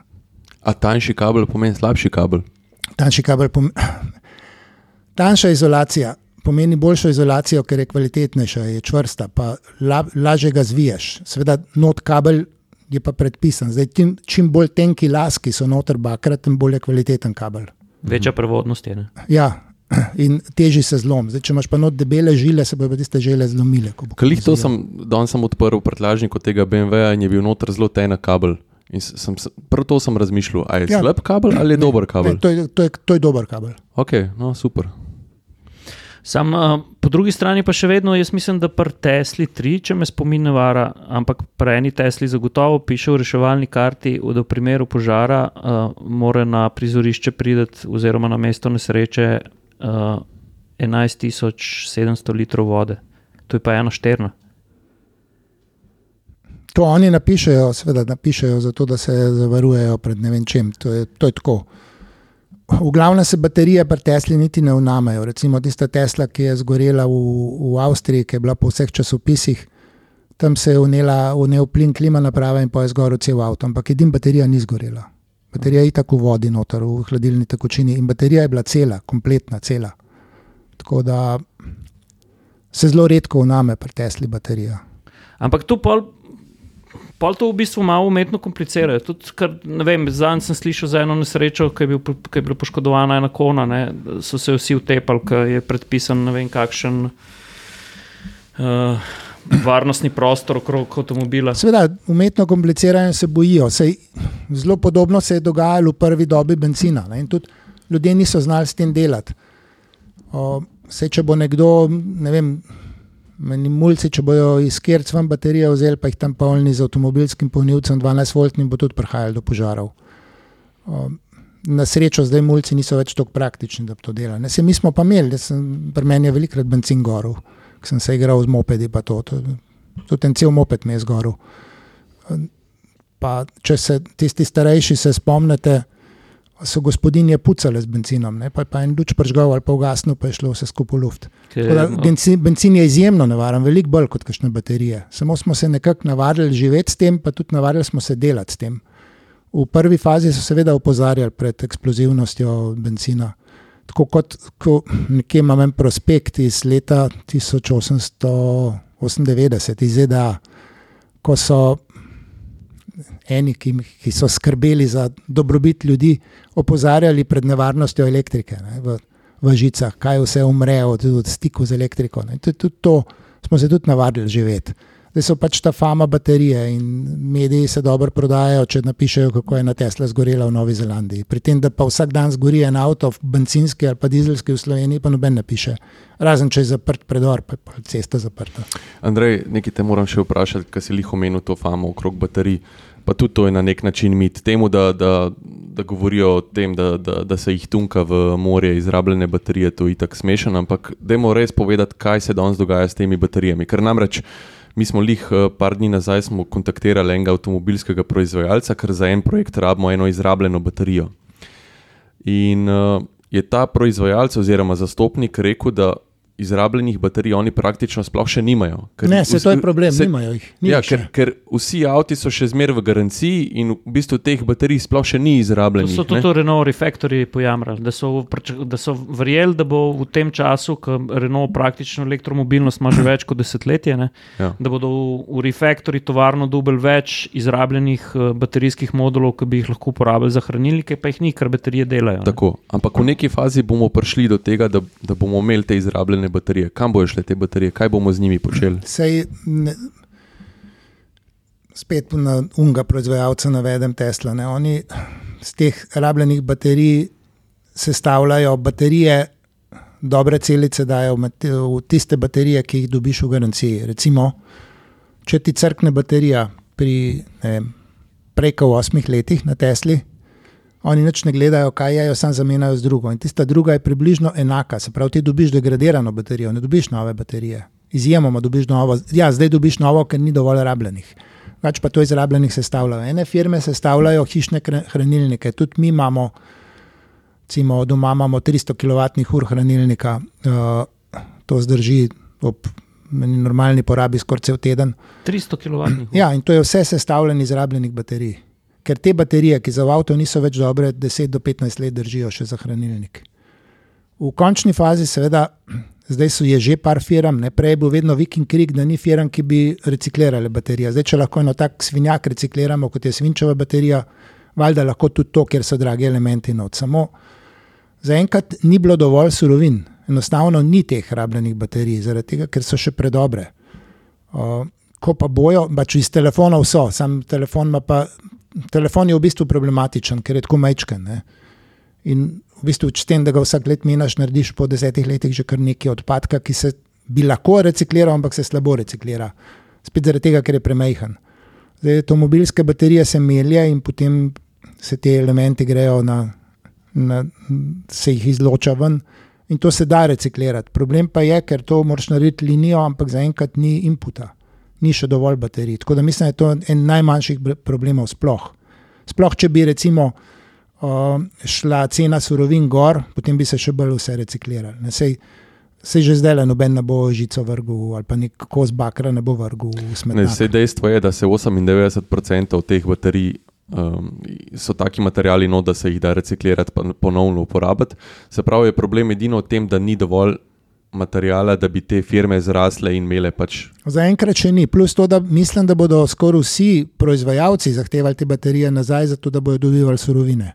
Ja, pa, logično, pa ja. celice ven je mal, ki so še v redu, pa jih kombinirali z drugimi. Ne. Ti lahko Sestavljali. Se je tudi neki, neki delavnici, že mehaničnih, ki so specializirane na to, da se stavljajo. Recimo, te odpove en blok celic v avtu, pa ti oni se stavijo. Pa, mislim, da te so nekje na polskem. Uh, Veliko se je Fiatov 500 pripeljali iz ZDA. Zdaj, Fiat 500 ima pa eno tako čudno lastnost, da ima 12 voltov vedno priklopljenih na glavno baterijo in ta se počasi prazni. Ljudje so kupili po dražbi, na dražbi na Fiat 500 električni v ZDA.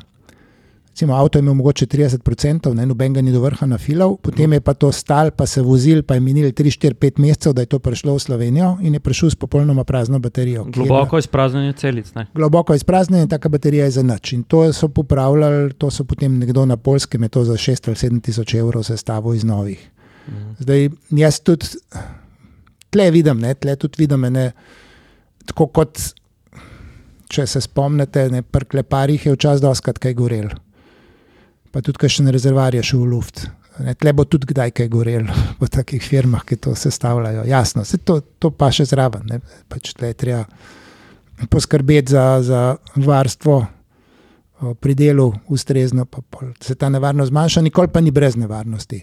Skratka, ti v reciklaži baterij ne vidiš težav. Ne, ne, to je najmanjša. Težava je zaenkrat v tem, ker ni teh baterij. Mm. To je spet en mit, ki mislim, da ga napihujejo naftari s svojim enormnim premoženjem. Ne, treba je vedeti, da so to trilijoni evrov in, in da vsak, vsak procent, ki se manj nafte proda, je nekdo zelo prizadet zaradi tega. In mu ni problem investirati milijardo v neke medije, ki potem napihujejo te zgodbe.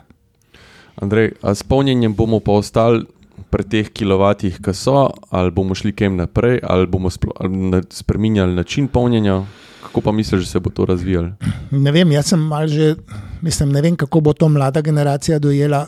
Itak je tako, da baterije bojo kmalo zmogle zelo hitro polnjenje. Dobro hlajene baterije z novimi kemijami, ene že zmorejo, ne, do 10 minut napolniš ali pa 15 minutah. Spet grem nazaj na uno našo Teslo, ne, da, da eno imamo malo novejšo, pa še tista je stara 7 let, tista v 30 minutah napolni, iz nič na 80%. In v teh 30 minut, recimo na vsakih 300 km, meni, zdaj, če, ja, ko sem bil 30 let mlajši, je bilo spet drugače. Zdaj mi zelo prav pride, da se spočijem, da pogledam e-maile, da nekaj popijem, pojem kakšno kavo, da grem na stranišče. O, tako da jaz še- še... ne vidim tega problema, ampak seveda je pa tako, ne, hitrejš, ko boš filal, več boš plačal. Tisti, ki bo hotel na filatu v 15 minutah, bo toliko več plačal, zato ker je to obremenitev omrežja. Idealno je, idealen način polnjenja je, da se za mestne vožnje, za vse, kar ti zmore z enim polnjenjem, se napolni doma ali pa v službi. O, z elektriko, takrat, ko je višek elektrike v omrežju, se pravi z nekim vodenim polnjenjem. In takrat imaš pa lahko tudi zelo nizjo, bistveno nižjo ceno. Zdaj so eni kolegi kupili, Hrvati, ki živijo v Nemčiji, o, Jonika, starega Jonika, ne ta novega. In Mi Sicer- gre zelo dobro, tudi ta stari. Ja, zelo je dober. Oni imajo 37 centov, plačujejo kWh gospodinske elektrike, Wow. imajo pa, ja, in pa ta uh, dobavitelj jim garantira ceno 19 centov za avtomobilsko polnilnico, ki jo oni vodijo. Oni ti sam garantirajo, da preko v 24 urah dobiš tok in tok kWh, kot jih rabaš. Polnijo čas, polnjenja pa oni določajo. Ne? In Tle jaz vidim prihodnost, ker potem ne pride do preobremenitve omrežja, ti v bistvu lahko z avti balansiraš omrežje in to, da se gre v ne tako vrsto polnjenja, bo nujno. Ker smo pa ljudje nemarni in hočemo vse na najenostavnejše, je to treba ljudi prisiliti z denarjem. Se pravi, tako kot so v bistvu tudi Nemci. Ne. Če ti polniš vodeno, boš ne vem, plačeval 10 centov kWh ali pa 12, če boš polnil na gospodinsko elektriko, boš 20, če boš polnil na eni javni polnilnici, boš 30, če boš polnil na hitri javni polnilnici, boš 50, če boš pa na ultra hitri, boš pa evro dajal na kilovatno uro. Ne? In s tem reguliraš, ceno se da marsikaj regulirati. Se pravi, udari po žepu, pa boš navade spremenil, enim pa tudi ne. Tistim, ki imajo dovolj ali pa ki se jim to zdi zelo ključno, pa tudi ne. Kako bomo pa rešav, reševali probleme velikih strnjenih naselij in polnjenja? Bloki, bloki. Ja, to sva, z ženo sva bila na švedskem letos, ravno to sva si šla ogledati. Najprej treba spremeniti zakonodajo, se pravi, da ne more, da ne more manjšina stanovalcev terorizirati ostalih. Če se spomniš, pred par leti je bil en primer, ko smo pomagali enemu invalidu iz Maribora. On je bil pripravljen v blok, so bili pripravljeni montirati dvigalo, vendar bi enemu na to dvigalo, ki bi šlo zunaj, metalo senco na balkon in je bil zato proti in je zadeva padla v vodo. Nim pa tisti spenjalnik po stopnicah ni prišel do vrha, ker je imel svinčeve baterije in smo mu pol mi ugradili litijonske baterije, tako da je lahko celo trikrat prišel gor dol z istim polnjenjem. Uh, tle kaže, v, pač v vsaki slovenski vasi in v vsakem slovenskem bloku imaš najmanj enega norca ali pa težaka. To, to je nekako. Tako je. Ne. Ja, ki je obseden z, z višino rubika. No, obseden je že z nečem, ali pa živi samo zato, da drugim nagaja. Njegov, njegov življenjski cilj ali pa njen je nagajanje drugim. Od tega se hrani, ponavadi so to malce starejše osebe, to niso glih 30-letniki. ne. Uh, in tem je treba moč oduzeti. Prav, prva stvar mora biti zakonodaja. Uh, Imate tudi, en, sem videl na švedskem in to bi lahko pri nas naredili, so tudi druge rešitve. Recimo, občina, sej, vedno se ne evropska sredstva tudi valajo, pa se neumno trošijo. Da se naredi eno parkirišče, ki je oddaljeno do 500 metrov od nekih blokov, tako da to razdalja, ki jo narediš peš ali pa skerco. In na tem parkirišču ti lahko najameš prostor, ker dobiš ugodno energijo, s tem, da ti pač je to, so to vodene polnilnice. In imaš ti rampo, greš noter, parkiraš na katero koli parkirno mesto, o, parkirno mesto oziroma polnilnica razpozna avto in enkrat na mesec tisto plačaš. Tako kot je pa zdaj, je pa seveda jaz pravim, tisti blokarji, ki imajo zdaj električni avto, bi skoraj morali dobiti red za zasluge v boju proti klimatskim spremembam. ker To, to je res je Ja, grozno. ja, ja. Jaz ga ne bi imel, ne? jaz ga ne bi imel. Andrej, mi, mi zdaj malo sanjamo, ne glede tega, ampak Evropska direktiva pa narekuje, da bo do leta 2035 se vemo, kaj se bo zgodilo. Ne? In to na nivoju od Norveške do Romunije. Mislim, to, to kar, kar se zdaj pogovarjamo, je to, to so i neki idealni scenariji, ki se morajo zgoditi do takrat. A veš, že, Pa- že, pa- Ma Težko- morajo, težko- mogoče, težko, mogoče bojo spremembe ostale na severni strani Alp. No, ne vem, če bodo pluskali na čez, bomo videli. No, se tu sem te hotel vprašati, ker že če kle- kle pogledaš Ljubljano, pa v končni fazi. Uh, jaz sem dost, dostkrat je mi je primor Facebook ven vrgel to neprestano vojno med uh, elektro, uh, elektrodruštvom pa, pa ponudnikom carsharinga v Ljubljani, kdo, kdo zaseda parkirišče, kdo zaseda polnilnice. Ne? In zdaj, zdaj si ne predstavljam, že, če samo eno Ljubljano pogledamo, ki po številu prebivalcev niti ta prava metropola ni. Ne?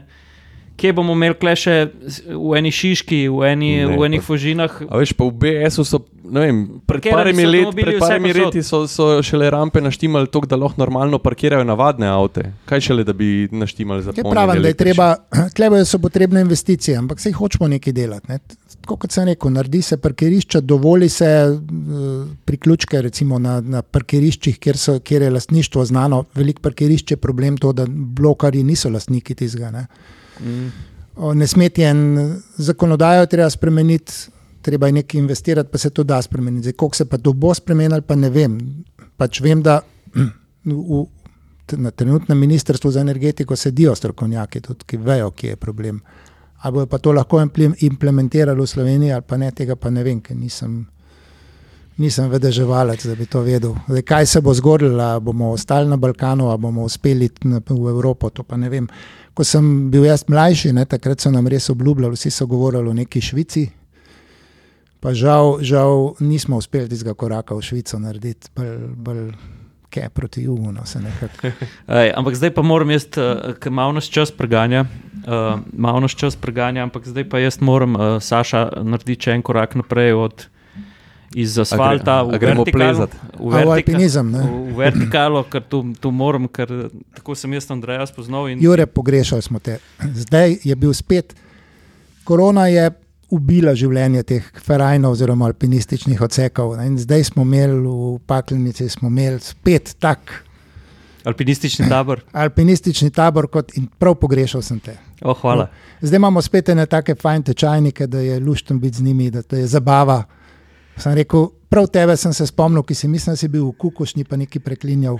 Zdaj je kukušna itak zaprta, ne smeš plezati. A še zdaj uno skala tam gor visi? Ne, ne zaradi skale, zato so spod športno plezalne smeri, pa A, da ne, okay. ne mečeš ljudem kamno na glavo. Ampak to je bil, to je bil vrtec za. Uh, ja, ja manjka, manjka tiste kukušne. No, ampak uh, hočem povedati, pa tudi tam bo, tu bo pa Andrej zdaj le ruzak kot prvo, pa pokazal te, kar prosim, tam v stroj vam potegnem. Uh, jaz sem bil en nadebuden alpinistični tečajnik. Sam govoril v mikrofon. In, uh, se mi zdi, da ne vem, ali je bil um, pa, palenku v. Palenku v Logarski dolini, meni Andrej gleda, Andrej je prišel tak, Jack. Um, jaz pa bratranca Alko smo plezala tisti uh, slab, iz druge smeri je pa prišel. Um, človek, ki ga tudi zelo vsi pogrešamo, uh, legendarni, uh, legendarni Pavle Kozek, pa Andrej Pečak, sta prišla pa iz ene tako resne smeri. In tako mene gledajo, pa prav, Andrej mene gleda, pa prav. Pa kva ti kar v kavbojkah plezaš? Sem rekel, ja, le, nimam, nimam proračuna za mamut kombinacijon. prav, čak ti si že zdaj lepo slab splezati v kabukah in res. In jaz sem še, veš, ker nismo imeli tehnike plezanja, sem se še na sredini, ker so že bile klimatske spremembe, še predrl eno svečo in me polilo. In dok sem na vrh prišel, sem že kabujke zmrzine. Ne? In prav, da ti se v glas gor premen na. na V, v moji delavnici bomo mi dva nekaj naredili. In, a veš, kaj me je počakalo, Saš? Takle strojne, ki so mu cepine sposojene za let plezati s tem, da je bil seksi. Ne. No, Jaz... povej, kaj je to za vse tiste, ki poslušajo, pa ne no, gledajo. To je specialno eh, ledno urodje za plezanje težkih, um, tehnično zahtevnih lednih smeri. Ampak, kakšno krajše ime? Uh, stroj. Stroj, ok. No, in mene je tam na češenci počakal stroj. Uh, Ciril, uh, Ciril sorry, Jure, Jure pravkar uh, drži v roki nekaj, za vse tiste, ki poslušate, pa ne gledate, drži v roki nekaj, kar, kar zgleda kaj ena mala kosa, ki zgleda, kaj ena smrt. Kot orožje, mogoče. Ja, dej, dej mi pokaži. Čakaj, čakaj, da ti povem, tu moraš pa z občutkom prijeti. To ti dejansko reže življenje, ne, Andrej? To v, v takih zaresnih razmerah. Ja, recimo, če te hoče kdo oropati, pa, ja. pa je z nožem, imaš ti strateško prednost, če imaš cepin v rokah. No, in jaz pridem k Andreju delavnico, ne, on je klino na tisto legendarno prejšo stisnil, mi je naredil specialno klino, po moji roki dolžino, pa čakali so me stroji z štilom iz karbona. Mislim, to zgleda tako, da če bi šel ven iz te pisarne, bi folk začel kričati, le že na hodniku. To je sicer cepin, ki ga je moja žena uporabljala pred 15-20 leti. Okay. Zato ima rožo gor, zato ima vrtnico, ki jaz ne bi plezal s cepinom, ki ima vrtnico narisano. Ja, je pa romantik posebne sorte, že en je pa naredil cepin z vrtnico, vidiš. Tako da jasna. Vidiš, da ima rad. No, vidiš, da ima krajše ime, cepin. Okay, e, ampak, pr, pr, ne, na tem se reče bolj stroj, ali pa bajla. Ni, stroj, ni cepin. cepin je pa unkaj raven, klasičen A, alpski, okay. ki se bolj uporablja. Tu je stroj, se uporablja za plezanje, cepin je pa bolj za pristope. Okay. Če hočeš biti planinc, ki izgleda kot alpinist, na rukzak da stroj, ne cepin. Tako. Um, ja, in Andrej mi je naredil uh, na češenci v svoji delavnici moje prve stroje, ki so bili v karbonu oblečeni, jaz sem v hribih prej držal karbonko v avtu. Ne. Veš, da sem jaz to znanje težko uporabil tudi pri Metronu 7, zato da smo dosegli dobro aerodinamiko. Podan je kompletna ena sama svetleča karbonska plata. Uh, uh, precej nice. karbona sem dal na avto. Pa tudi jaz sem tisto avto vozil, ne? tista Mazda je presenetljivo dobro sunila. Ne? Sicer takrat eh, ne moramo reči, da je bila, da je bila čist prvovrstno uravnotežena masa spredi zadaj 50-50, kamačka nije glisirala. Ne? Ampak um, je pa Andrej naredil avto, ki je z njim podelil rekord. Zdaj smo že ven iz vertikale. Ne, ne, to je nismo to. še, ne, nismo še ven. To je to. iz- to je samo povezava. to, to je samo povezava. Um, Andrej in njegova žena, jasna, uh, sta veliko se ukvarjala tudi z lednim plezanjem, sta težkimi smermi. Je prej povedal, ki je bil v Koreji. In uh, mi smo imeli vedno srečanja, on ima tam na češenci, a tisto so neke vrste peščenjaki, ne? tisti previsni. Ja, ja, pre, V gozdu so taki previsni balvani in tam smo zatikali te stroje in nas je Andrej treniral. In to so eden, eden najlepših obdobij v mojem življenju. Uh, tako da takrat ti uradno rečem, hvala lepa za vse to, kar si mi dal. ne. Jure, malo tudi zato, ker si bil mlad. veš. Malo tudi- Malo tudi zaradi tega. No.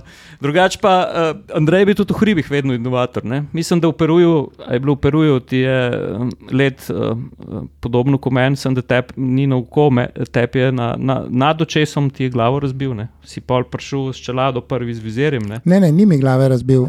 Bal sem se, da bi imel, zato sem imel vizir. Čak, kdo, ampak nekdo je bil tam krval, je bil Pavle. Pa to ni bilo v Peruju, oba sva bila krvava, pri nas pod ledinskim slapom, ker si je frčal dol, tok, ampak sva bila mal krvava, ni bilo neke Ej. sile, ni bilo šivov. No. Jaz sem tle totalno zunanji, pa verjamem, da vsi os- ostali so tudi zunanji poslušalci. Na mestu, da vidva imata te neke svoje interne pogovore. Dej, Andreja, poveš, ti se še zmeraj ukvarjaš s plezanjem, hodiš veliko krog. Te malo razloži to svojo neko ljubezen do, do tega. Pač, uh, nikoli nisem užival drog, nikoli nisem pil, nekaj pa moraš imeti, ne, pol greš pa se pa vržeš v alpinizem. Uh, Seveda prisotno je vedno neko tveganje. je- Stremiš v to, da to tveganje držiš na enem takem nivoju, da ga obvladuješ. Lahko se pohvalim, da ženo, ki mu imamo vsak več kot tisoč usponov, pa nismo imeli nesreče. Vedno moraš imeti tudi malo sreče, ne. ni, ni dovolj samo biti preudaren, ampak preudarnost tudi pomaga.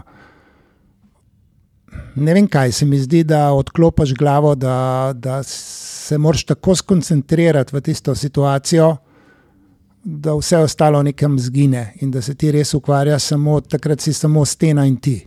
Tista točka in ti, in nekje je še um, ki te varuje. Tisti dober, da je. Se samo s tem ukvarjaš in je, je drugače. No, bom rekel, se sprostiš ali pa ne vem, prepravaš možgane za druge stvari. Sprav, jaz ne razmišljam o električnih avtih, ko sem v steni, razmišljam, kako bom prišel čez. Kaj te pa žene sama pot po vertikali ali vrh? Ne vrh, pot, splezati tisto vertikalo, splezati neko linijo, če je nova linija, še toliko boljš, da pridem čez steno. Vem, to je izziv samemu sebi. tako Kot, to je zelo isto, kot če hočeš vem, maraton preteči pod tri ure. Ne. To je tudi izziv samemu sebi in tle je tudi izziv samemu sebi. Se pri maratonu te končno tudi lahko kap zadene, sploh če si v mojih letih. Je, bilo, je se je pa tudi v steni pokazalo, da je strojnik. Ne? Ko si slišal njega, ko kline zabijo, je bil en tak zver. Ne? Pa ponovadi, kadar klin lepo zazveni, je tudi dobro, ne? zabit, kar pomeni, da si zelo varen. Um, pa še eno anegdoto imam. ne. Uh, Andrej je kot strojnik bil vedno inovator. Ne? Jaz mislim, da si imel v kasarni eno težavo, ki si razložil uh, vodniku ali majorju, kako bi ti kasarno zauzel z enim tankom, pa dvema človekoma. Tu drži ta zgodba. Ja, ker je bila jugoslovanska vojska zelo v tistem končnem obdobju, ko sem jaz vojsko služil, je bila res ni bila, ni bila kaj dosti vredna. No. Vse je bilo na zelo nizkem nivoju, tehnika sploh. jaz sem takrat razložil ja, pomočniku poveljnika kasarne, da bi z 20 vojaki zasedel to kasarno brez problema. Ne. Z 20 tisoč elitnimi vojaki bi pa celo Jugoslavijo lahko. Ne pa držal, ne. to sem mu posebej rekel. Držati ne, ker je to Norfolk. Se pravi, Blitzkrieg bi pa lahko naredil. Ja, ja. Samo nikakor ne držati, ker je folk zmešan in se začne upirati in bombe nastavljati. Pa smo težave. Ne? Ma težave sem imel več čas, malo. Ampak, No, lej, ampak tudi to je del spomina. Ja, no, ampak iz te kasarne si en tak zanimiv priročnik prinesel, ki je pa prav prišel takrat, ko smo se pa Slovenci za neodvisnost borili. Ne? Ja, zdaj lahko povem, to je bila huda akcija, da sem ukradel uh, servis me, servisni manual za T84 za tank. Pa v bistvu nisem vedel, zakaj ga kradem. Zato, ker je bila to najbolj čuvana knjiga v kasarni. Mislim, da je bilo bolj to. Pa sem pa ženo jasno prosil, da je najdla enako debelo knjigo enakih dimenzij, pa sem pa vsebino zamenjal. Ne, tako da v platnicah, vedel sem, da te knjige glih dosti ne prebirajo in da se v pol zgublja sled. Seveda je pa, če si ti šel kaj noč, so te upisali, ampak ker sem jaz poznal tistega, mene niso upisali, tako da jaz nisem bil upisan in niso mogli slediti, kdo je to vzel. Pa je pa slučajno nekaj let zatem pa to zelo prav prišlo. Do, in pa, kaj se je pa, pa zgodilo? Uh, jaz mislim, da je bil Porsche 924, uh, na uh, raketerali so pa jastrebi iz Mostarja, Hrvavc. Kako ti to veš? Ja, ja, to je bilo. Rečeno je bilo, da rabijo to knjigo zelo nujno, ker so bili tanke so dubali v karavanskem predoru in je bilo nekaj treba popraviti.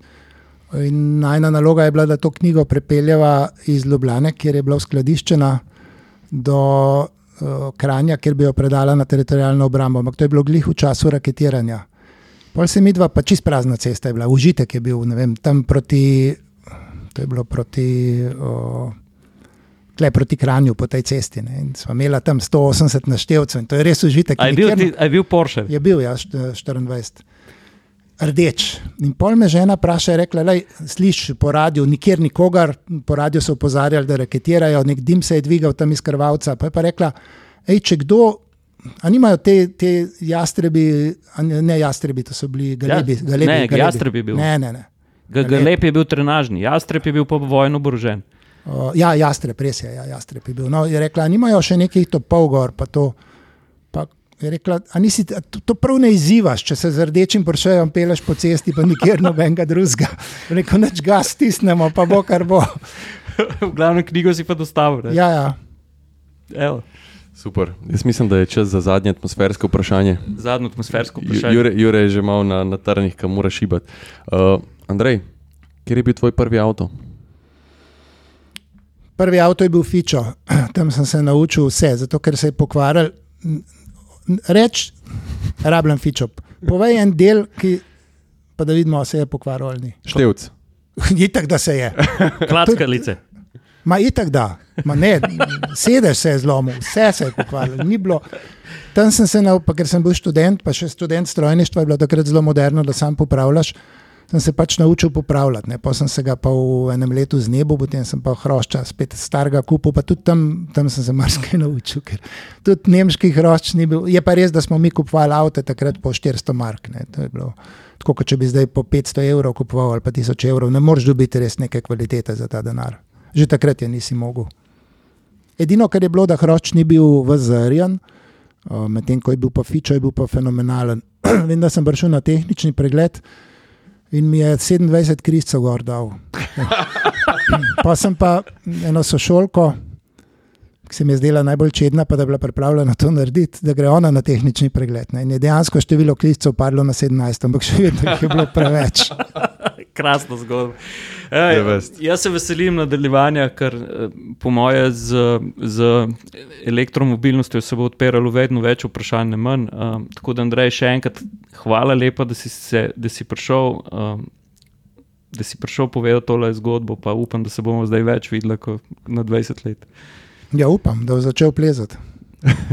Spet ne. Se, se bom potrudil. Andrej, najlepša hvala.